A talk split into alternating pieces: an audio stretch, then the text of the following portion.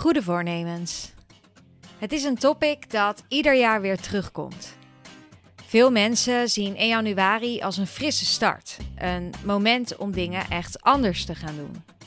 We beginnen dan super gemotiveerd aan onze goede voornemens. Maar ondanks onze goede wil lukt het ons vaak niet. Hoe komt het nu dat we het zo moeilijk vinden om onze goede voornemens waar te maken? En hoe kun je ervoor zorgen dat je dit jaar wel je goede voornemens bereikt, zelfs wanneer je ritme totaal overhoop ligt door bijvoorbeeld een aanhoudende pandemie? Ik zeg maar wat. Nou, dat lijkt me voor iedereen, inclusief mezelf, een hele relevante vraag. En daarom deel ik de beste tips uit de gedragswetenschappen voor het bereiken van goede voornemens met je in deze aflevering van de Maffe Mensen podcast.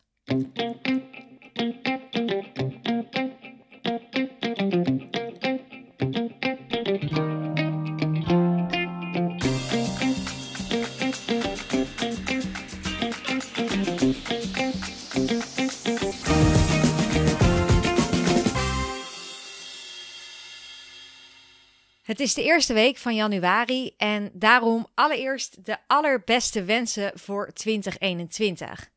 En ik hoop dat het voor ons allemaal een topjaar wordt waarin we dingen doen en bereiken die we willen doen en ook willen bereiken. En um, ja, vaak is 1 januari natuurlijk echt zo'n startpunt voor mensen om dingen anders en beter te willen doen. We zien een nieuw jaar vaak als een nieuwe kans om een frisse start te maken en vaak nemen we ons daarom ook van alles voor.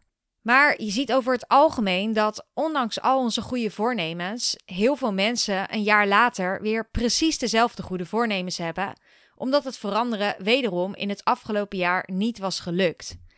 Nu vraag je je misschien af: oké, hoe komt het nu dat we die goede voornemens niet volhouden, terwijl we dit wel heel graag willen, toch? Nou, gedragswetenschappers die zijn hier ook in geïnteresseerd. En zij vonden dat de mensen die wel hun goede voornemens bereiken door dingen succesvol te veranderen, dat dat niet per se supermensen zijn die een enorme discipline hebben of dat de rest allemaal zwakkelingen zijn, maar dat het eigenlijk vooral te maken heeft met strategie. En dan met name hoe je jouw voornemens formuleert en welke methodes je gebruikt om ze te bereiken.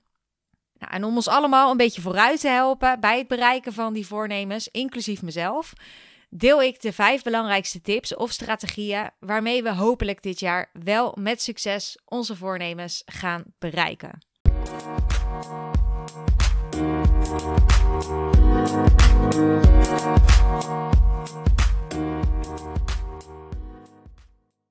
Allereerst, het begint allemaal met het zetten van de juiste doelen. De allereerste stap richting het bereiken van je goede voornemens is het zetten van de juiste voornemens. Want bij het benoemen of opschrijven van onze goede voornemens zie je dat het eigenlijk vaak al op twee manieren fout gaat. Namelijk allereerst dat de goede voornemens te vaag zijn en ten tweede dat ze te ambitieus zijn. Dus bijvoorbeeld, uh, je hebt in 2020 extra coronakilo's gekregen doordat je steeds meer afhaalmaaltijden bent gaan halen. En je bent meer gaan snoepen onder werktijd en je bewoog misschien ook minder door thuiswerken. Nu, wat je vaak ziet is dat mensen dan zeggen: Oké, ik laat de teugels nog even vieren tot 1 januari. En dan zijn mijn goede voornemens gezond eten, sporten en afvallen. Nu, dat zijn natuurlijk super grote en ook hele vage voornemens bijvoorbeeld met gezond eten, dan heb je misschien een ideaalplaatje in je hoofd van dat je plotseling nooit meer snoept en altijd de gezonde keuzes maakt. Je bent ineens veranderd. Maar ja, vervolgens word je op 1 januari wakker met een dikke kater en uh, loop je langs de frietkraam, zijn de supermarkten dicht. En voor je het weet sta je met een zak patat in je hand en is de kans groot dat het zogenoemde wat de hel effect optreedt. En bij dat wat de hel effect denk je eigenlijk, nou ja, weet je, ik heb het toch al verpest met die friet. Ik trek vanavond gewoon lekker een blik bier open en ik ga gewoon lekker Netflixen. En vervolgens voel je je niet goed en beland je weer in die negatieve spiraal. Ja, dit soort patronen herkent iedereen denk ik wel en dat is dus echt het recept om te falen. Want wat je eigenlijk doet in dit geval is je roept met een heel vaag voornemen, zoals afvallen of uh, gezond eten, een soort beeld van ideaal gedrag in je hoofd op. En een soort beeld van dat je opeens een supermens bent die alles goed gaat doen op basis van wilskracht. Maar je hebt vervolgens helemaal geen concreet plan of wat dan ook. Enkel de motivatie en de wil. En ja, over het algemeen, zelfs al ben je echt een super gedisciplineerd persoon, dan uh, gaat dat gewoon niet werken. Want uh, bij bijna alle mensen is het zo dat onze hersenen het simpelweg niet aankunnen om op wilskracht de hele dag door niet in onze oude gewoontes te vallen en om alles totaal anders te doen. We moeten dat stukje wilskracht of verandering in onze hersenen, die moeten we trainen en die nieuwe gewoontes moeten we langzaam gaan opbouwen. Net als dat je in de fitness ook niet in één keer 100 kilo kan gaan staan liften. Je bouwt dat eigenlijk gewoon langzaam op door middel van hele kleine stapjes. En onderzoekers die hebben dus aangetoond dat het veel beter werkt om hele kleine, hele concrete en dus heel haalbare doelen op te stellen als goede voornemens. Dus bijvoorbeeld het goede voornemen meer sporten, dat is te vaag. En het doel iedere dag naar de sportschool gaan en super gespierd worden, dat is lastig als je normaal nooit sport en je leven hier helemaal niet op is ingericht. Je hebt misschien een gezin, de sportschool is ver weg en je hebt een onregelmatige baan. En dan heb je ook nog eens bijvoorbeeld een pandemie waardoor de sportscholen gesloten worden. En voor je het weet ben je weer gedemotiveerd en zit je weer drie maanden niks te doen. Maar bijvoorbeeld het doel als goed voornemen: iedere ochtend na het opstaan minimaal drie push-ups doen. Dat is een super concreet doel. Dat is heel haalbaar en dat kan je ook heel makkelijk inbouwen, hoe druk je ook bent. En de kans is groot dat zodra het een gewoonte wordt om iedere dag die drie push-ups te doen, en je krijgt dat lekkere gevoel van dat je dat iedere ochtend doet, hè, iedere dag doe je iets om je doel te behalen, dan is de kans groot dat je dit uiteindelijk verder gaat uitbouwen. En een jaar later is deze kleine gewoonte misschien wel uitgebouwd naar iedere ochtend een half uur of een uur sporten, afhankelijk van hoe druk je bent. En met dit voorbeeld heb ik eigenlijk uh, al meteen de tweede belangrijke strategie benoemd vanuit de gedragswetenschappen. En dat is om je grotere goede voornemen, bijvoorbeeld afvallen, om te vormen naar allerlei hele kleine gewoontes. En het liefst heel klein starten, dus bijvoorbeeld één of twee goede gewoontes, die heel makkelijk vol te houden zijn. En dat te doen in plaats van dat je van jezelf hele grote veranderingen gaat vragen, die uh, ja, heel veel moeite en daar hebben we hem weer, heel veel wilskracht kosten. Want wij mensen, wij zijn nu eenmaal gewoontedieren. En ook onze slechte gewoontes en gedragingen, die gebeuren vaak voordat we er erg in hebben. En die kosten vaak het minste moeite.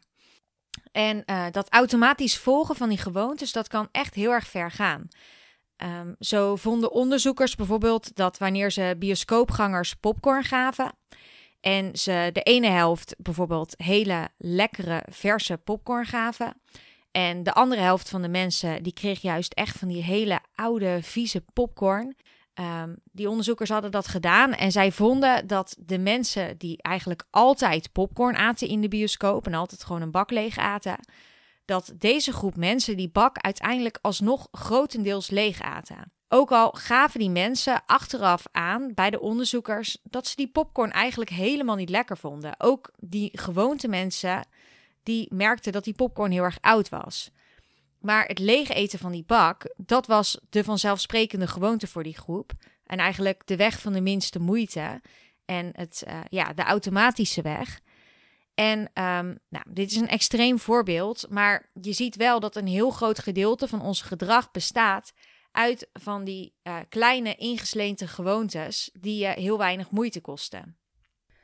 Nu, dit mechanisme van die gewoontes, dat wil je in plaats van dat het nadelige effecten heeft, nu juist in je voordeel gaan gebruiken voor het creëren van jouw nieuwe goede gewoontes. En de sleutel tot gedragsverandering is dus dat je positieve gewoontes gaat bedenken, die zo makkelijk zijn dat je er echt geen enkel moment over hoeft na te denken en dat het uiteindelijk gewoon de standaard wordt. Dus uiteindelijk de makkelijke weg voor jou.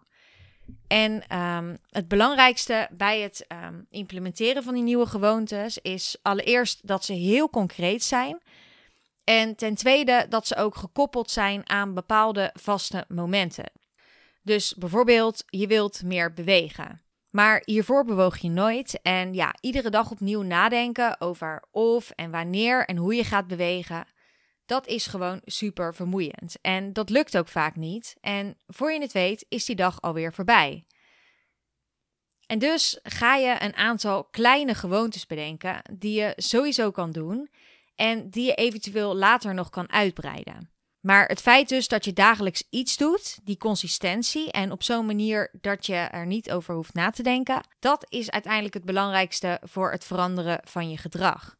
Dus bijvoorbeeld, um, je wilt niet hoeven na te denken over sporten, maar je wilt wel meer bewegen. Nou, dat doe je door drie kleine nieuwe gewoontes in te stellen.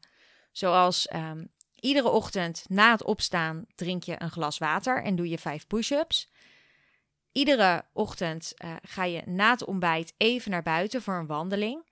En die wandeling die kan je dan wat langer of wat korter maken, afhankelijk van hoe druk je bent. Maar gewoon het feit dat je hè, al in beweging gaat na het ontbijt, uh, dat wordt jouw nieuwe vaste gedrag.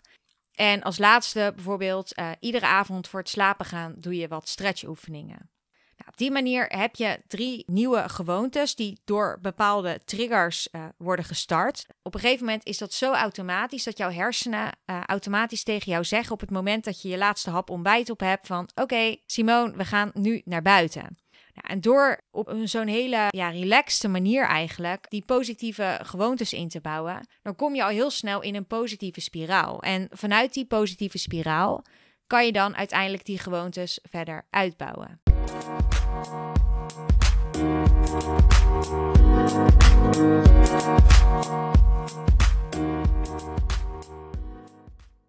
Dan een uh, derde strategie is om naast dat je nieuwe positieve gewoontes creëert, waar je weinig over hoeft na te denken, dat je juist wel vooraf nadenkt over verleidingen die je kunt tegenkomen, die ervoor zorgen dat je uiteindelijk weer in je oude negatieve gedrag valt. Dus die uiteindelijk voor die negatieve gedragingen zorgen. Zoals bijvoorbeeld een zak chips leeg eten voor de tv, of te veel alcohol drinken, of um, impuls aankopen doen onderzoeken naar uh, de verschillen tussen mensen die met succes hun doelen behalen en de mensen die uiteindelijk opgeven of falen bij het behalen van hun goede voornemens. Tonen namelijk aan dat die succesvolle mensen over het algemeen helemaal niet meer wilskracht hebben om alle verleidingen te weerstaan of nooit meer de behoefte voelen om het ongewenste gedrag te vertonen. Maar dat deze mensen gewoon heel goed zijn in het voorkomen dat ze überhaupt verleid worden om in hun oude gedrag te vervallen. En dat doen die mensen die succesvol zijn op twee manieren. Allereerst zorgen ze ervoor dat ze de verleidingen simpelweg zo min mogelijk tegenkomen. Dus bijvoorbeeld, ze halen wel koekjes voor als ze onverwacht visite krijgen, maar ze halen koekjes die ze zelf niet heel erg lekker vinden en daardoor ook niet zo snel zouden pakken als ze gestrest zijn. En uh, naast dat ze bepaalde verleidingen minder goed bereikbaar maken, maken ze ook zogenoemde als-dan plannen voor situaties waarin ze de verleiding simpelweg niet kunnen vermijden. Om ervoor te zorgen dat ze uiteindelijk niet op zo'n moment alsnog in het oude gedrag vervallen. Dus uh, bijvoorbeeld, ze maken het plan als ik vastloop met mijn werk en de neiging heb om naar de keuken te lopen om koekjes te eten, dan ga ik eerst een rondje wandelen om even tot rust te komen. En nou, de kans is groot dat daarna die onrust weg is. Of bijvoorbeeld, um, je wilt minder drinken en je maakt het als dan plan. Als ik naar een feestje ga, dan zeg ik op voorhand tegen mijn vrienden dat ik die avond geen alcohol drink en dat ik hier ook niet over in discussie ga. Nu, als je op zo'n manier werkt, dat betekent niet dat je slap bent of geen wilskracht hebt of geen doorzettingsvermogen. Als je op zo'n manier werkt, dan ben je gewoon heel slim bezig. Want nogmaals, het constant van jezelf vragen om alles te doen op wilskracht en doorzettingsvermogen, dat is gewoon de moeilijke weg. En je wil het uiteindelijk gewoon zo leuk, plezierig en makkelijk mogelijk voor jezelf maken. En voor de situaties dat het dus niet lukt om die verleidingen uit de weg te gaan, dan is het echt heel erg slim om van tevoren een als-dan plan te maken. Zodat je op zo'n moment ook niet in je hoofd in discussie moet gaan van oké, ik kom nu in deze situatie, wat moet ik doen? Want als je op zo'n moment alweer moet gaan nadenken en je bent bijvoorbeeld moe, dan is de kans gewoon heel groot dat je in je oude gedrag vervalt.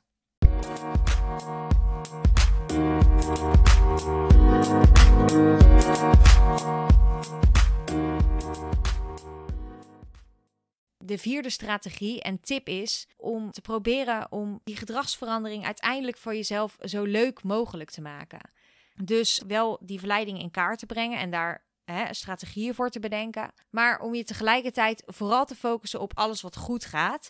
En heel veel gebruik te maken van directe positieve feedback naar jezelf en ook kleine beloningen.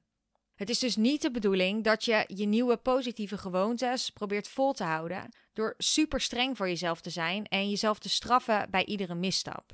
Maar dat is wel wat we heel erg vaak doen. Dus bijvoorbeeld, weer het koekjesvoorbeeld.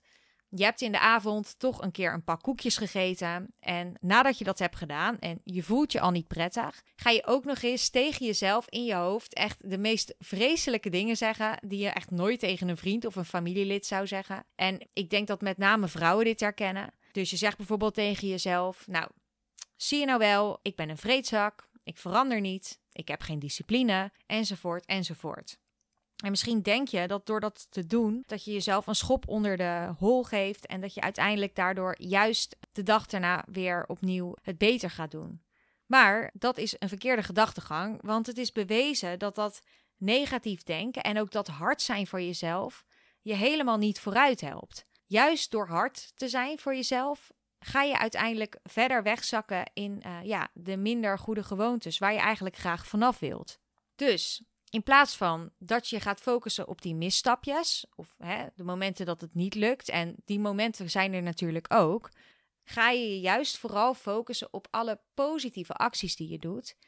En uh, ja, op het moment dat je dan toch een keer een misstap maakt um, en je nieuwe gewoonte een keer vergeet, of het lukt gewoon een keer niet, dan kijk je niet streng naar jezelf, maar dan kijk je gewoon met compassie naar jezelf. Zo op een manier zoals je ook naar een vriend of vriendin zou kijken. En dan moet je ook echt tegen jezelf praten zoals je tegen je vriend of vriendin zou praten. Dus, nou, wat zou je tegen je beste vriendin zeggen? Nou, ik zou bijvoorbeeld tegen haar zeggen: Kijk hoeveel dagen je supergoed bezig bent. Je zit echt in een goede flow. Nou, en nu heb je gewoon even een mindere dag, maar dat hoort er ook bij. En je kan toch de dag daarna gewoon weer rustig doorgaan. En die ene dag, dat maakt niet uit. En dat is ook zo. Dat maakt niet uit. Als je maar gewoon rustig doorgaat. En naast dat je jezelf dus niet afstraft als je faalt, is het ook super slim om jezelf direct positief te belonen op het moment dat je wel je goede gedrag uh, vertoont of je nieuwe goede gewoonte.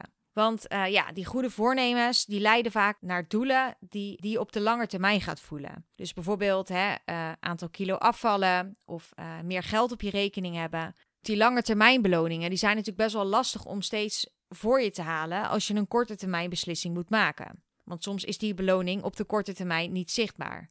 Bijvoorbeeld nu nee zeggen tegen een taartje, dat geeft op de korte termijn niet echt een bevrediging of beloning. Je voelt je daarna niet meteen uh, hè, een uh, super fit persoon. En dus moet je die bevrediging voor jezelf gaan creëren. En wetenschappers, zoals uh, bijvoorbeeld BJ Fogg, dat is een hele bekende gedragswetenschapper, die zeggen eigenlijk dat directe, kleine, positieve beloningen, direct na het vertonen van je goede gedrag, dat dat je enorm gaat helpen. En dat kan volgens die wetenschappers echt heel erg simpel zijn. Bijvoorbeeld jezelf letterlijk een schouderklopje geven als je thuis komt en zeggen: Oké, supergoed dat ik uh, dat alcoholische drankje heb geweigerd. Of um, bijvoorbeeld gewoon tegen jezelf zeggen: Goed gedaan. Op het moment hè, dat je naar de keuken loopt om uh, snoep te pakken en je loopt weer terug naar de bank. En BJ Fogg die noemt zelfs het maken van bijvoorbeeld een klein dansje of zelfs gewoon je vuist in de lucht gooien en zeggen: lekker bezig als manieren om jezelf te belonen die uiteindelijk ook echt gaan werken. Nu, sommige van die voorbeelden die klinken misschien een beetje belachelijk, maar het helpt echt. En ik zou zeggen, wij mensen zijn nu eenmaal maf, dus neem jezelf niet te serieus en probeer het een keer. En praat gewoon echt positief tegen jezelf op het moment dat je iets goed doet. In plaats van dat je het goed doet en dat je gewoon meteen weer doorgaat. Want je mag daar best wel bij stilstaan dat je gewoon lekker bezig bent.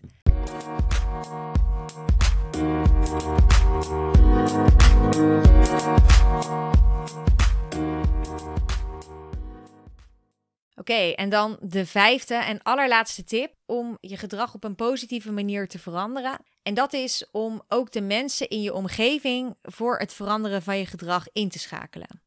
Wij mensen, wij zijn nu eenmaal super sociaal. En er wordt wel eens gezegd dat wij een product van onze omgeving zijn. En dat is ook echt letterlijk zo.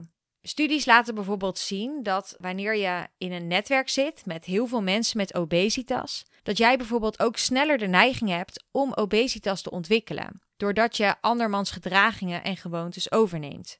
Nu, naast dat we vaak het gedrag van onze omgeving kopiëren, zijn wij mensen over het algemeen ook nog eens heel erg gevoelig voor onze reputatie ten opzichte van onze omgeving. En laten we anderen niet graag in de steek wanneer we beloftes doen en andere mensen op ons rekenen. Nu, al die dingen, die invloeden vanuit onze omgeving, die kunnen we ook in ons voordeel gebruiken wanneer we onze goede voornemens willen bereiken. En dat kan je bijvoorbeeld op de volgende manieren doen. Allereerst is het slim om je te omgeven met de mensen die gelijkgestelde doelen hebben en met wie je samen aan je goede voornemens kunt werken. Dus um, bijvoorbeeld, hè, je wil graag meer sporten. Nou, zoek een vriendin of een groepje vrienden waarmee je iedere zaterdagochtend samen een workout gaat doen. Nu, naast dat je dus je netwerk inschakelt voor het uh, gezamenlijk uh, ja, bereiken van nieuwe doelen, kun je ook nog eens gebruik maken van uh, je bredere kring. Namelijk door bijvoorbeeld online, via social media, maar ook offline um, of bijvoorbeeld via WhatsApp, met mensen je nieuwe concrete gewoontes of doelen te delen. Nu, door bepaalde uh, concrete voornemens op te schrijven en online te delen, ben je meer geneigd om door te gaan met dit gedrag. Want over het algemeen vinden mensen het gewoon niet leuk om ja, af te gaan uh, ten opzichte van hun omgeving. En willen ze graag hun, hè, reputatie uh, consistent houden. Nu, dat is ook een van de redenen waarom ik bijvoorbeeld heb gedeeld op mijn privé Facebookpagina, terwijl ik eigenlijk heel onzeker en heel veel schaamte had, dat ik een podcast ben gestart. En uh, ik had die eerste aflevering echt pas net af. Ik moest hem zelfs nog een beetje afediten. Maar ik begon alvast met delen. Want ik wist dat ik het wilde doorzetten. En dat ik het maken van die podcast heel erg leuk vond. Maar dat ik tegelijkertijd heel erg tegengehouden werd door schaamte en door zelftwijfel. Nu, door dat publieke commitment te maken en door aan te kondigen dat ik een podcast online ga zetten, um, ja, dat heeft mij enorm geholpen om door te zetten en ook consistent te blijven bij het uh, publiceren van de podcast. Want ja, nu heb ik mensen die mij volgen. Dat gevoel heb ik in ieder geval. En daardoor voel ik me toch uh, verantwoordelijk om dingen online te zetten, ondanks dat ik hè, nog een beetje onzeker uh, ben. Nu, dit podcastvoorbeeld, dat is niet echt een kleine gewoonte zoals wandelen. Maar het laat wel de kracht van het gebruik van je omgeving en het delen van dingen zien. Dus Um, ja, bedenk vooral voor je eigen gewoonte van oké, allereerst kan ik dit met andere mensen doen. En ten tweede kan ik dit misschien op een bepaalde manier met mensen delen. En gaat dit mij uiteindelijk motiveren?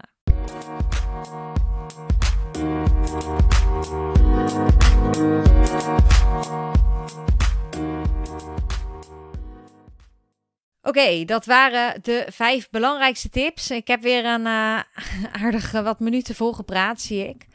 Um, ik zal ze nog één keer voor je op een rijtje zetten. De allereerste tip is dus om hele kleine en hele concrete doelen te stellen. De tweede tip is om uh, ja, gekoppeld aan die doelen hele kleine gewoontes in te bouwen die je eigenlijk iedere dag moeiteloos kan doen zonder dat je hoeft na te denken of zonder dat je echt op wilskracht moet leunen. De derde strategie is om wel na te denken over verleidingen of obstakels die je in de weg kunnen zitten. En in dit geval die verleidingen uh, ja, zo onvanzelfsprekend en zo lastig mogelijk te maken. Dus bijvoorbeeld hè, koekjes niet in huis halen of um, alcohol niet in huis halen. En daarnaast ook om een als-dan plan te maken voor situaties waarin je de verleiding niet kunt ontlopen. De vierde strategie is om je te focussen op ieder uh, succes dat je behaalt. Dus iedere keer dat je het goede gedrag vertoont. En dat goede gedrag ook echt direct met jezelf te vieren. Waardoor je uh, hersenen automatisch dat beloningmechanisme, dus die positieve gedachten, gaan koppelen aan dat goede gedrag. En om je vooral niet te veel te focussen op uh, ja, wanneer je een keer een misstapje maakt. Uh, want dat hoort er ook gewoon bij. Dus als dat gebeurt, ga je gewoon rustig door. En dan maak je gewoon hè, uh, van 28 maart de nieuwe 1 januari. En ga je rustig uh, door met je nieuwe goede gewoontes. Het gaat er uiteindelijk om dat je het grootste gedeelte van de tijd je nieuwe goede gewoontes volgt. En als laatste kun je kijken hoe je ook de mensen in je omgeving kunt gebruiken of hoe die mensen in de omgeving jou ook kunnen helpen bij het creëren van je nieuwe goede gewoonten. Ik heb in ieder geval alvast uh, een paar kleine goede voornemens die ik uh, op deze manier ga proberen uh, met meer plezier en met meer succes te gaan waarmaken. En ik hoop dat het jou ook lukt en dat je dit jaar met nog meer plezier je leven nog net iets fijner voor jezelf maakt. En het allerbeste voor het nieuwe jaar. Dat was hem voor deze aflevering van de Maffe Mensen podcast.